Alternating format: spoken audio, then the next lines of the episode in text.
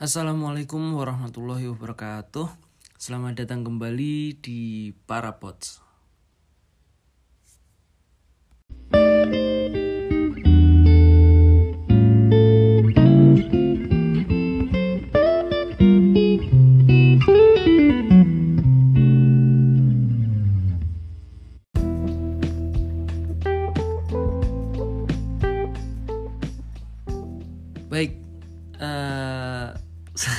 Selamat datang kembali di Parapods. Em, sudah cukup lama ya kita tidak sharing-sharing, walaupun sharingnya hanya dari satu sisi saja, hanya saya yang berbicara dan sharing. Tapi sebenarnya teman-teman juga bisa sih untuk sharing-sharing dengan melalui langsung aja di kirim pesan melalui sosial media saya kan. Teman-teman mungkin para, para pendengar lama udah tahu jadi eh, sekarang ini oh ya sampai lupa eh, saya ingin menyapa kalian semua. Selamat malam dan bagaimana kabarnya? Eh, kali ini rekamannya saya rekam jam setengah 10 malam ya. Jadi setelah selesai mengisi beberapa eh, tugas terus kemudian mengerjakan beberapa ya mengerjakan beberapa tugas terus kemudian juga menata apa namanya mencatat mencatat finansial ekonomi. Jadi saya emang eh, saya usahakan untuk terbiasa mencatat segala hal-hal pengeluaran dan pemasukan saya selama sebulan terus kemudian direkap dan lain sebagainya karena itu sesuatu hal yang penting. Mungkin di eh, episode lain mungkin bisalah kita saling sharing terkait bagaimana sih kita eh, menjaga keuangan seperti itu. Ya sedikit curcol lah ya. Eh oke. Sudah lama nggak pernah rekaman. Semoga saja ini rekamannya juga berhasil. Mohon maaf. Eh, kemarin juga ada beberapa teman yang ber- bertanya kok kenapa sekarang udah nggak rekaman lagi dan lain sebagainya. Padahal menurut saya pribadi memang rekaman saya itu kalau dikatakan penting juga nggak begitu penting. Tapi nggak tahu karena memang eh, selera orang-orang kan berbeda-beda ya semoga bisa bermanfaat lah bagi teman-teman semua yang mendengarkan atau mungkin ada beberapa di antara murid-murid saya sendiri semoga bisa mengambil eh, kesimpulan yang baik-baik dari apa yang sudah saya sharingkan atau saya bicarakan pada podcast kali ini. Eh, sebelumnya mohon maaf eh, bahwa saya sudah lama sekali ya nggak membuat podcast lagi karena ada beberapa kesibukan lain sebagainya dan semoga setelah ini nanti di waktu-waktu yang eh, apa namanya di waktu-waktu yang free saya bisa membuat podcast lagi. Sebenarnya banyak sekali judul-judul yang perlu saya bicarakan uh, kepada para pendengar yang mungkin nanti bisa kita sharingkan dan apa namanya bisa interaktif lah ya. Jadi mungkin teman-teman yang mendengarkan bisa langsung mengomentari ataupun uh, menanggapinya melalui sosial media saya ataupun dengan mungkin teman-teman yang mempunyai WA dan lain sebagainya bisa langsung chat saja. Uh, Oke, okay. podcast kali ini saya sendiri tidak ditemani oleh teman yang lain seperti podcast-podcast sebelumnya karena ini adalah tema yang menurut saya cukup menarik juga terkait sebenarnya terkait ya terkait kualitas diri kita gitu. Terkait kualitas diri kita. Jadi ada yang perlu saya sharingkan. Mungkin teman-teman juga bisa berbagi nanti terkait pembahasan ini. Ya menarik atau enggaknya sih tergantung yang mendengarkan juga ya. Jadi ya mungkin e, pembicaraan saya ini juga bisa menjadikan teman tidur sampean atau teman-teman sekalian jadi atau ketika gabut ataupun mungkin nugas daripada tapi menurut saya mending mendengarkan lagu deh daripada suara saya kan jadi gitu e, ada beberapa hal yang ingin saya uh, sampaikan. Jadi perlu dipahami dulu ini semuanya terkait opini saya sendiri dan pengalaman pribadi saya. Uh, jadi dari pengalaman pribadi saya mungkin ada teman-teman yang bisa mengambil sisi positifnya itu jauh lebih baik dan itulah yang saya harapkan seperti itu. Untuk pembahasan kali ini saya ingin mengangkat tema yaitu terkait volunteer. E, mengapa sih kita harus menjadi volunteer? Nah, pembahasan ini sebenarnya juga sudah saya tulis di e, blog saya. Jadi teman-teman juga bisa membaca blog saya. Saya tulis dengan satu halaman. Mungkin teman-teman bisa ceknya melalui deskripsinya nanti ya. Saya cantumkan di deskripsi podcastnya dan teman-teman bisa membacanya langsung. Jadi temanya adalah kenapa kita harus menjadi volunteer. Mungkin sebagian di antara teman-teman ada yang tahu volunteer itu apa, terus ngapain aja, bagaimana, terus apa saja sih aktivitas di dalam volunteer tersebut. Mungkin kita akan awali dari penjelasan dan pengertiannya terkait volunteer itu sendiri. Jadi pembahasan ini real dalam arti pengalaman saya pribadi dan uh, apa yang sudah saya rasakan ketika saya menjadi volunteer dan inilah saya ingin berbagi kepada teman-teman. Uh, volunteer sendiri itu kalau teman-teman membuka buku atau kamus bahasa Indonesia atau searching, browsing dan lain sebagainya, volunteer itu bagi yang belum tahu, volunteer itu adalah relawan. Atau e, seseorang yang rela untuk melakukan sesuatu hal itu bukan karena paksaan, bukan karena paksaan dan ya udah ikhlas untuk melakukan segala sesuatu hal itu dan pekerjaan itu baik. Jadi bisa dipahami kan ya?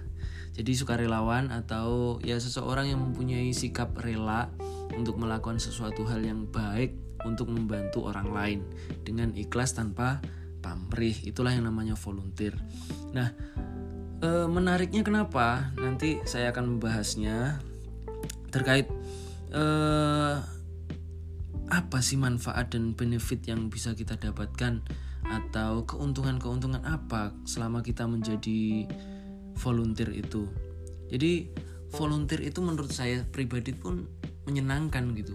Selain kita juga eh, yang paling utama sih biasanya memang kita dapatkan banyak kenalan mempunyai teman baru, mempunyai circle baru, bukan berarti terus kita mengkotak-kotakan circle enggak, tetapi dari volunteer ini kita bisa mempunyai banyak kenalan yang bisa saling berbagi, terus kemudian membuka wawasan pikiran kita, terus kemudian memahami e, seseorang dan orang yang lainnya sehingga kita tidak canggung untuk berbicara atau kita tidak apa namanya e, apa ya namanya kita tidak terlalu mendiskriminasi orang lain karena kita memahami e, bahwasanya banyak sekali orang-orang yang ada di dunia ini dengan berbagai macam karakteristiknya.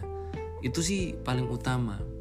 Dan saya pribadi ketika ikut volunteer, sebenarnya pembahasan ini juga tidak akan jauh dari pembahasan sebelumnya terkait komunitas karena volunteer itu biasanya kita menjadi relawan itu juga berangkat dari komunitas-komunitas. Seperti itu. Jadi uh, tidak apa maksud saya jadi ada hubungannya gitu antara pembahasan di podcast sebelumnya dengan yang ini tadi hanya saja bedanya pembahasan kali ini saya sendiri tidak berdiskusi dengan teman saya. uh, itu tadi terkait penjelasannya. Terus kemudian manfaat dan benefit yang mungkin teman-teman bisa dapatkan dari apa namanya kegiatan volunteer ataupun kegiatan relawan itu.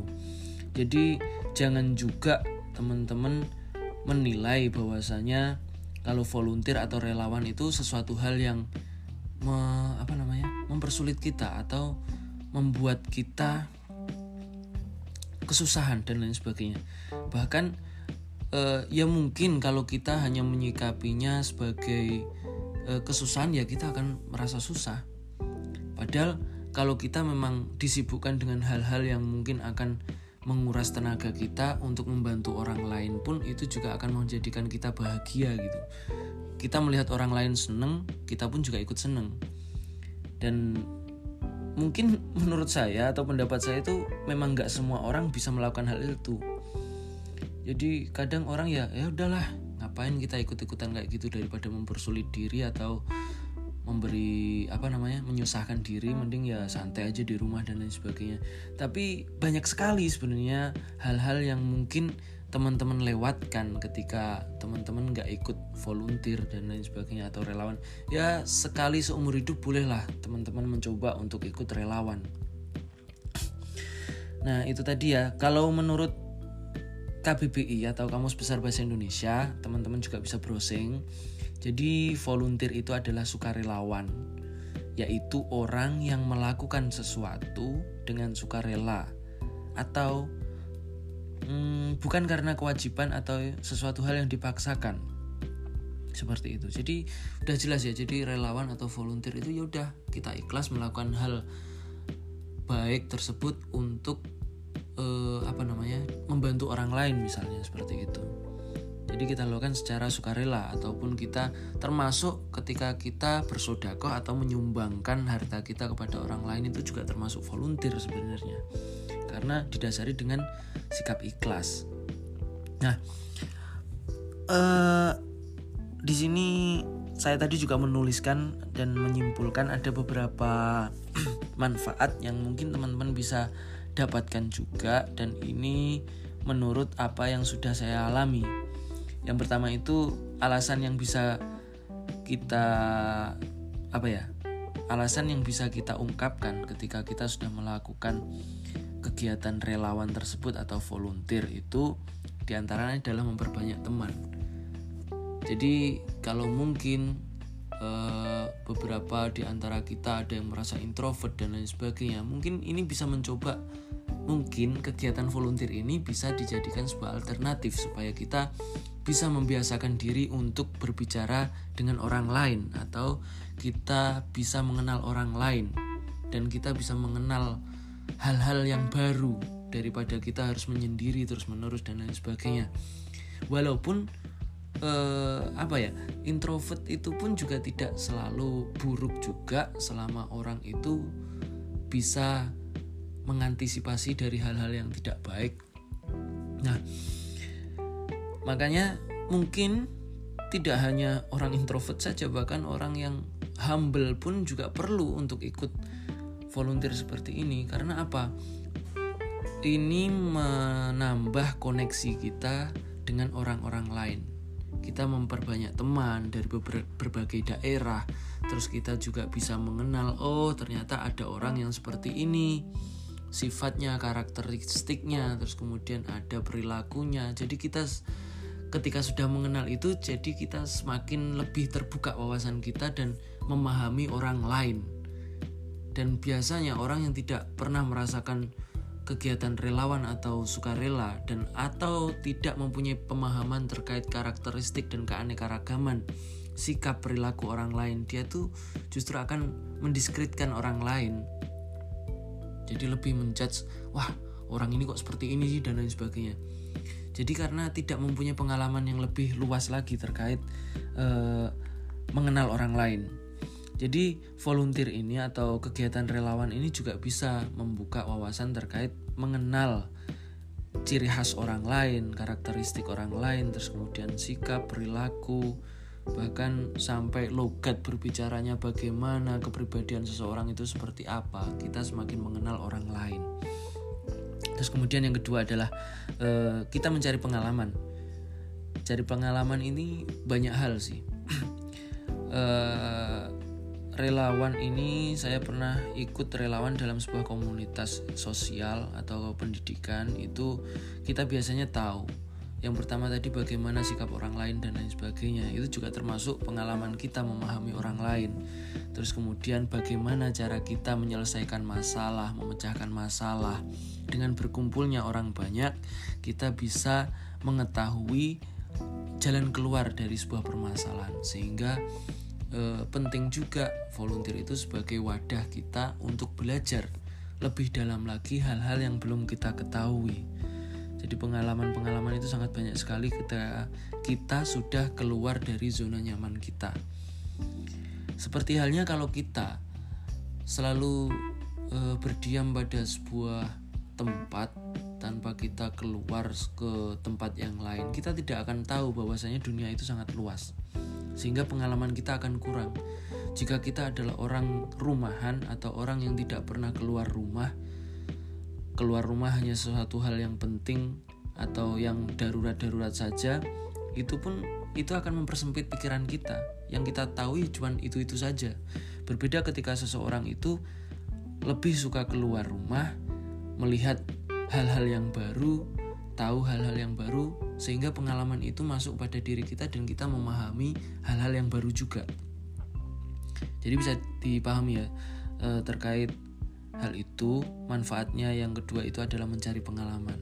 Terus kemudian belajar. Belajar ini juga mencakup tadi kita bisa belajar kepada orang lain memecahkan masalah bagaimana orang lain dalam penyelesaian masalahnya bagaimana orang lain dalam melakukan hal yang sebelumnya belum kita ketahui caranya terus bagaimana orang lain dalam menyikapi hal-hal yang mungkin mempersulit dirinya terus kemudian bagaimana kita melihat banyak sekali lingkungan-lingkungan kita yang mungkin uh, bisa membuat kita membuka pikiran baru kita seperti itu. Jadi belajar di sini pun juga sangat luas sekali pengertiannya. Tidak hanya sekedar belajar di dalam kelas saja, tapi belajar di luar kelas tuh juga banyak sangat eh juga sangat banyak manfaatnya. Mohon maaf ya kalau perbicaraan saya itu agak mencela-mencela karena agak sedikit ngantuk. Terus ya saya kira uh, podcast ini harus saya selesaikan supaya tidak apa menumpuk target-target saya yang lain. Terus kemudian membuka wawasan.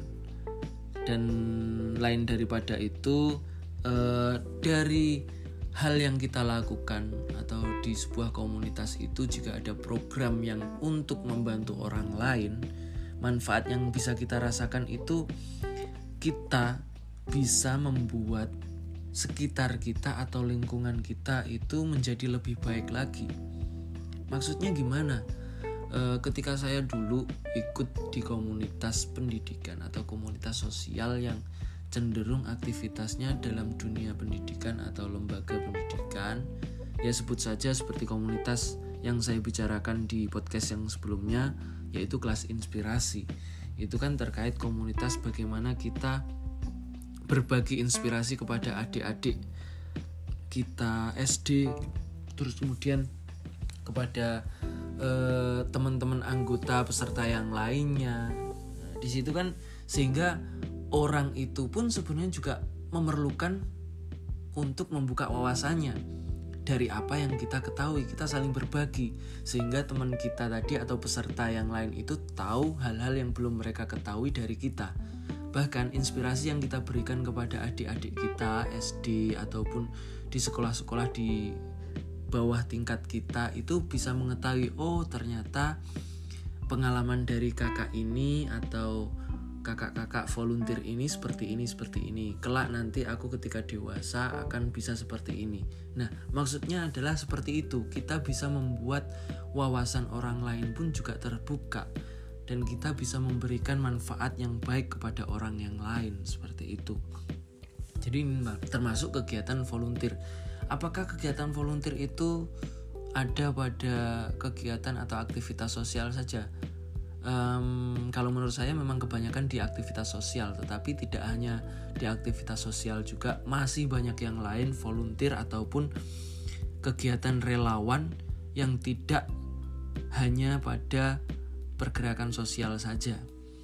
Tergantung teman-teman berminat kepada bidang apa. Saya kira banyak sekali informasi terkait volunteer atau relawan itu melalui uh, apa namanya internet ya jadi kita manfaatkan internet untuk mencari informasi tersebut. Terus kemudian eh, bisa bertemu dengan orang-orang baru. Terus bisa juga mencoba sesuatu hal yang baru.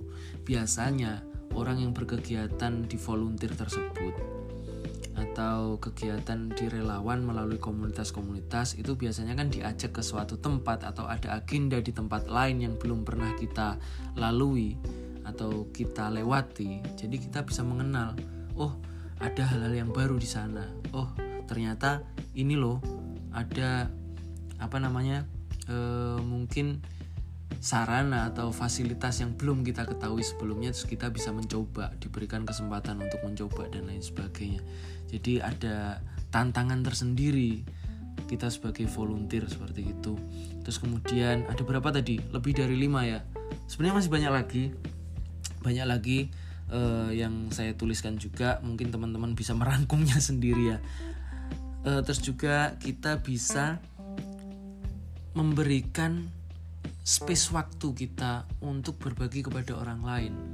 Jadi daripada kita mager daripada kita rebahan daripada kita ya udah tidur tiduran dan lain sebagainya atau di hari minggu kita bermalas-malasan dan lain sebagainya mungkin kita perlu memberikan satu hari saja untuk melakukan aktivitas yang terpenting membantu orang lain melalui kegiatan-kegiatan volunteer ini.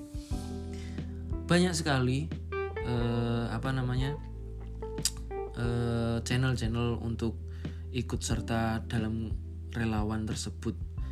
Jadi daripada kita waktu kosong itu tidak berguna, lebih baik kita gunakan untuk hal-hal yang lebih baik lagi seperti mengisi waktu dengan kegiatan di volunteer tadi. Terus kemudian juga kita bisa beradaptasi kepada tempat yang baru yang belum pernah kita rasakan, kita bisa merasakan. Terus kemudian hal-hal kita juga bisa merasakan bagaimana perasaan orang lain ketika mungkin di tempat yang berbeda dengan kita. Tempat kita yang serba tercukupi terus kemudian di suatu tempat kita merasakan menjadi relawan yang di tempat yang mungkin orang-orang penduduk sekitar situ tidak merasakan kenikmatan atau kecukupan dari apa yang kita rasakan supaya kita semakin bisa bersyukur dan lain sebagainya. Di situlah mungkin manfaat juga bagi kita belajar untuk lebih bersyukur bersabar terus kemudian juga kita uh, sejenak merasakan bagaimana mungkin kalau kita sebagai relawan bencana alam kita bisa merasakan oh ternyata begini rasanya orang-orang yang menjadi korban bencana alam dan lain sebagainya jadi itu juga termasuk kegiatan relawan atau volunteer. Terus selain daripada itu, kita juga bisa mencoba beberapa aktivitas yang lain. Terus kemudian juga kita bisa eh, mengkontribusikan atau kita mempunyai minat, bakat, hobi yang lain dan kemudian kita aplikasikan pada kegiatan volunteer tersebut. Mungkin kalau saya secara pribadi saya lebih suka pada dokumentasi, foto, video dan lain sebagainya ketika saya ikut aktivitas relawan tersebut saya bisa mendokumentasikan dan mengasah skill foto saya. Walaupun foto saya sampai sekarang pun nggak ada yang bagus juga. Ya jadi seperti itu.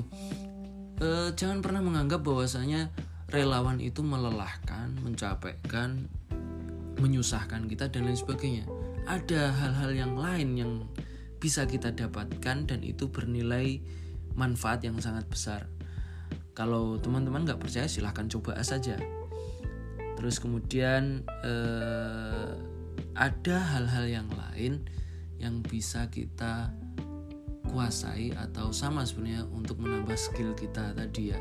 Jadi apa pun yang kita rasakan di kegiatan tersebut itu saya kira kalau teman-teman bisa berniat yang ikhlas untuk melakukan sesuatu hal yang baru dan meningkatkan diri teman-teman, saya kira tidak akan pernah rugi ikut kegiatan volunteer ataupun relawan tersebut. Jadi ada berapa tadi manfaatnya? Sangat banyak sekali ya. E, terus yang terakhir itu biasanya nih, biasanya ya, itu juga sebagai ajang cari jodoh. Bukan cari jodoh sebenarnya kalau cukup sempit juga cara berpikir kita kalau kita ikut menjadi relawan ataupun volunteer hanya berniat untuk mencari jodoh. Saya kira memang banyak orang yang jatuh cinta dengan teman-teman relawan atau sesama volunteer itu banyak juga, tetapi saya kira mereka itu tidak mempunyai niat di awal untuk mencari jodoh. Saya kira itu cukup sempit sekali pikiran yang seperti itu, tetapi saya kira apa pun hal yang baik itu kita jalani, maka hal-hal yang baik itu juga akan mengikuti kita dengan sendirinya.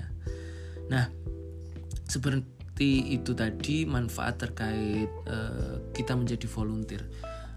Tapi pada dasarnya hal-hal yang bisa kita rasakan itu juga tidak berupa secara fisik atau zohir atau secara kasat mata yang kita rasakan tetapi banyak sekali hal-hal yang bisa kita dapatkan manfaatnya itu biasanya justru malah lebih kepada batin kita misalnya apa tuh ya kita selain daripada kita tadi mendapatkan wawasan baru terus teman baru dan lain sebagainya untuk diri kita sendiri atau untuk unsur internal kita, yaitu hati kita. Kegiatan volunteer itu biasanya untuk mendidik hati kita.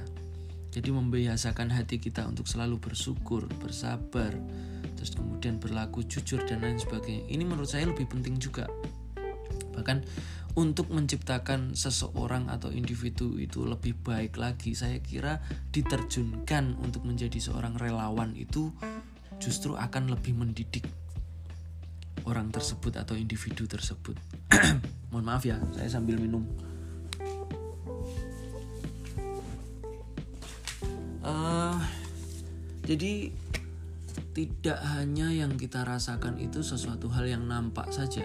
Bertambahnya kontak teman tidak hanya seperti itu, tetapi juga apa yang ada pada diri kita itu semakin meningkat termasuk kualitas diri kita itu tadi. Terus mempunyai rasa kepedulian, kesabaran, ikhlas, kebahagiaan, dan bersyukur, dan masih banyak lagi. Maaf, ambil minum ya. Terus kemudian uh, kita bisa menjaga emosional kita, terus uh, memelihara emosi kita supaya tidak mudah frustasi, tidak mudah marah-marah, terus kemudian membangun jiwa humanis, rasa kemanusiaan kita itu lebih meningkat lagi dan kepekaan terhadap hal-hal yang ada di sekitar kita.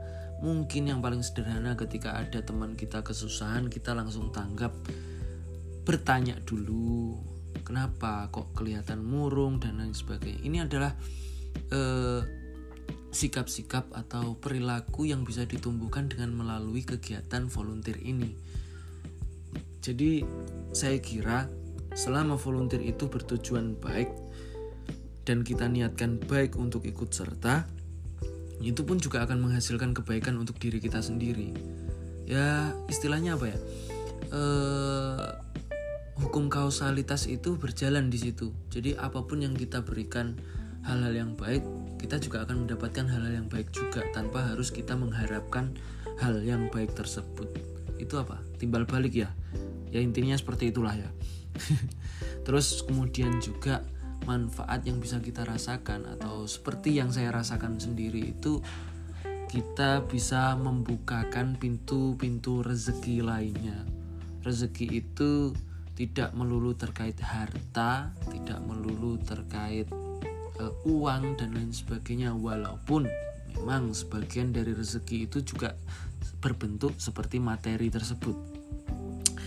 Uh, salah satu bentuk rezeki itu gimana salah satunya juga itu tadi seperti kita menambah teman itu juga termasuk rezeki. Kita bisa memberikan atau apa namanya merasakan kebahagiaan ketika kita melihat orang lain tersenyum. Itu juga suatu rezeki kita. Terus kemudian ketika kita sudah kenal dengan seseorang atau teman, terus kemudian kita kesulitan dalam mencari pekerjaan karena kita mempunyai teman yang banyak melalui kegiatan volunteer atau relawan tadi, kita bisa diberikan tawaran untuk bekerja di suatu tempat melalui kenalan kenalan kita.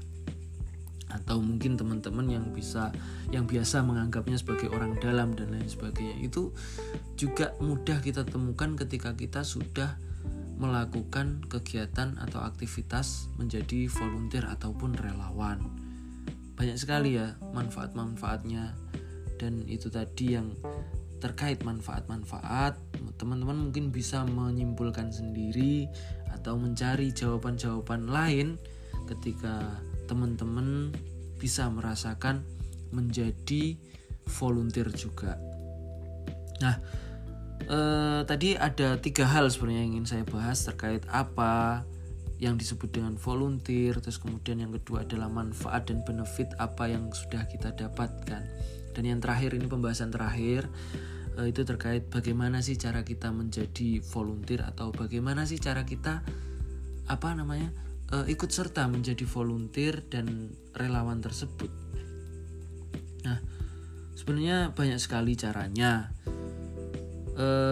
Nggak uh, ada salahnya juga ketika kita memulai itu, ketika kita juga mempunyai teman jadi kita membuat circle sendiri untuk membangun komunitas itu sendiri, komunitas relawan dan lain sebagainya itu juga bisa. Ya. Tapi ada tiga poin yang perlu saya sharingkan terkait bagaimana cara menjadi volunteer dan ini saya rasakan sendiri dan saya alami. Yang pertama itu kita bisa bergabung melalui komunitas dari teman kita. Mungkin teman-teman dari teman-teman SD, SMP, SMA ataupun teman di pesantren dan lain sebagainya, saya pasti eh, teman-teman pasti tahu bahwasanya teman-teman kalian tuh juga mempunyai circle yang lain. Nah, kalau kita sudah bisa terbuka dengan hal-hal tersebut, kita bisa terbuka kepada uh, mohon maaf, uh, kalau kita bisa terbuka dengan orang lain, kita nimbrung aja di situ. Dari teman kita, terus kemudian teman kita itu mempunyai circle sendiri komunitas terus kita ikut bergabung menawarkan diri bagaimana kalau aku bergabung di sini ikut serta untuk membantu komunitas ini dan lain sebagainya. Ini juga salah satu cara yang pertama yang bisa teman-teman lakukan. Dan saya pernah melakukan hal ini jadi ketika teman saya itu mempunyai komunitas sendiri dan komunitas itu terkait relawan untuk membantu orang-orang lain dalam segi kesusahan dan lain sebagainya kita bisa ikut serta di situ untuk membantu secara material atau moral dan lain sebagainya. Yang pertama itu dan yang kedua adalah uh, kita bisa mencari informasi di berbagai sosial media saya kira ini cara yang cukup ampuh juga ketika kita mau ikut menjadi uh, relawan atau volunteer pada suatu agenda atau kegiatan dengan melalui mencari informasi di sosial media. Saya kira sangat banyak sekali di internet atau teman-teman mempunyai uh, apa namanya uh, apa namanya mengikuti akun-akun berkenaan terkait volunteer dan lain sebagainya. Gak usah malu-malu untuk DM, kak. Mohon maaf, apakah uh, pada agenda tersebut ada lowongan untuk menjadi volunteer dan lain sebagainya? Tidak usah takut. Jadi ya kita memang kalau kita niatkan dengan hal-hal yang baik saya kira pasti akan berujung dengan kebaikan juga. Makanya apa salahnya kita mendm akun yang mungkin akan memfasilitasi kita menjadi volunteer? Gak ada salahnya kok. Saya kira seperti itu. Jadi teman-teman santai saja. Atau mungkin banyak sekali volunteer-volunteer dulu pernah ada yang namanya Asian Games ya. Itu pun juga dibuka volunteer dan lain sebagainya untuk menjadi uh, apa namanya? ya relawan, relawan untuk membantu berjalannya aktivitas Asian Games tersebut. Walaupun itu nanti entah itu diberikan fee ataupun tidak, ya kita tidak usah berpikir di situ. Yang penting kita bisa memberikan sesuatu hal yang baik untuk orang lain dan kita bisa mendapatkan pengalaman pengalaman-pengalaman yang baru ataupun pertemanan-pertemanan yang baru itu tadi. Itu menurut saya justru lebih penting daripada kita hanya mendapatkan sebuah bayaran. Karena walaupun secara realita ya kita memang butuhkan uang tetapi tidak selamanya uang itu akan memberikan kita kebaikan kok jadi saya kira ada hal-hal yang lain selain bentuk materi itu yang justru akan memberikan keuntungan kepada kita. Jadi silahkan teman-teman untuk mencari open recruitment ataupun eh, apa aktivitas relawan ataupun volunteer yang terbuka untuk umum. Nggak usah malu-malu untuk ikut serta tapi yang pasti perlu diselidiki juga apakah e, wadah tersebut memberikan apa namanya e, istilahnya apa ya tidak berbohong lah gitu. Jadi benar-benar diyakini dan benar-benar ada lisensinya untuk membuka volunteer atau relawan teman-teman bisa ikut gabung di situ. Jadi menurut saya pengalaman itu jauh lebih mahal daripada hanya sekedar uang atau hitungan angka bilangan uang itu ya. Kalau teman-teman nggak percaya sih coba aja terus kemudian itu tadi yang kedua silahkan dicari di sosial media ataupun internet terus kemudian yang ketiga oh ya yang kedua tadi itu maksudnya juga tidak hanya apa namanya informasi terkait dibukanya volunteer dan lain sebagainya tetapi awal untuk ikut serta menjadi volunteer ataupun relawan itu bisa diawali dengan teman-teman ikut serta pada komunitas-komunitas. Jadi cari aja di eh, apa namanya sosial media yang di situ apa membuka anggota baru atau rekrutmen anggota baru. Ikuti aja.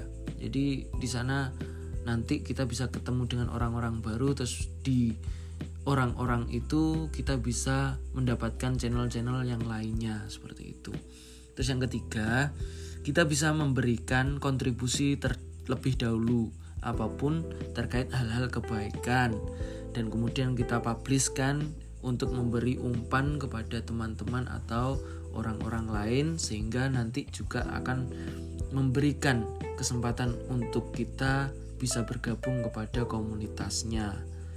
Jadi uh, kita mempunyai keterampilan apa, terus kemudian kita mempunyai uh, kelebihan di bidang apa, di potensi apa, bakat apa, minat apa, kemudian kita curahkan menjadikan sebuah karya dan kita publish karya kita sehingga karya yang kita publish itu akan dikenali orang banyak dan pasti satu banding 10 itu pun pasti ada yang melirik dari karya yang teman-teman berikan atau dipubliskan oleh teman-teman sendiri. Dan itu juga bisa seperti itu orang-orang lain tuh dengan melihat karya-karya teman-teman bisa tertarik untuk merekrut teman-teman menjadi anggotanya. Jadi menurut saya cukup mudah sekali untuk menjadi seorang volunteer ataupun relawan. Jadi tiga hal itu tadi terkait eh, pembahasannya terkait penjelasan apa sih yang disebut dengan volunteer terus kemudian manfaat dan benefitnya. Manfaat dan benefit tadi ada banyak sekali ya.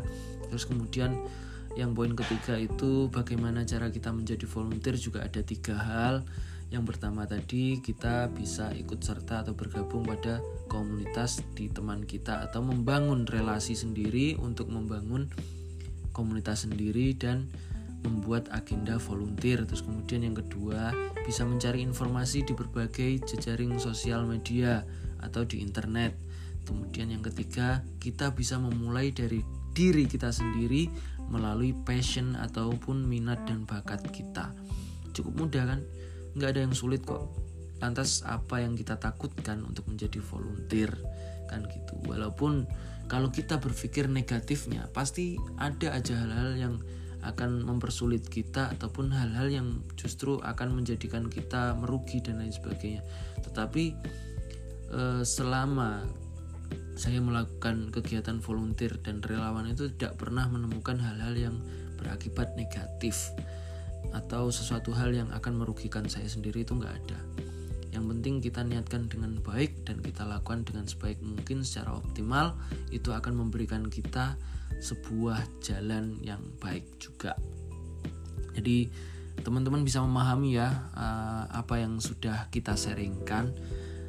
Uh, ini semua tadi berkenaan terkait volunteer dan relawan itu murni dari opini saya. Jadi kalau teman-teman memang menemukan ada kesalahan atau kekeliruan dari apa yang saya bahas, mohon dimaklumi. Teman-teman juga bisa mengkoreksi langsung melalui sosial media saya melalui pesan singkat ataupun melalui DM di Instagram dan lain sebagainya. Oke, mungkin ini saja yang bisa saya sampaikan dan saya bagikan ke teman-teman sekalian terkait kenapa sih kita harus menjadi volunteer. Semoga apa yang sudah tersampaikan bisa menjadikan manfaat dan bisa menambah wawasan teman-teman semua. Dan kalaupun ada kekurangan dan kesalahannya mohon maaf ya namanya juga kita berbagi pasti ada yang salah juga padahal mau pembelaan aja. Oke e, semoga yang pasti semoga bermanfaat aja. Jadi saya akhiri sampai di sini. Kita tunggu saja episode selanjutnya dan tentang pembahasan-pembahasan yang lainnya. Oke semuanya jaga kesehatannya masing-masing. Semoga selalu sehat dan selalu bersemangat untuk menjalani aktivitas-aktivitas berikutnya. Saya ucapkan terima kasih dan saya akhiri. Wassalamualaikum warahmatullahi wabarakatuh.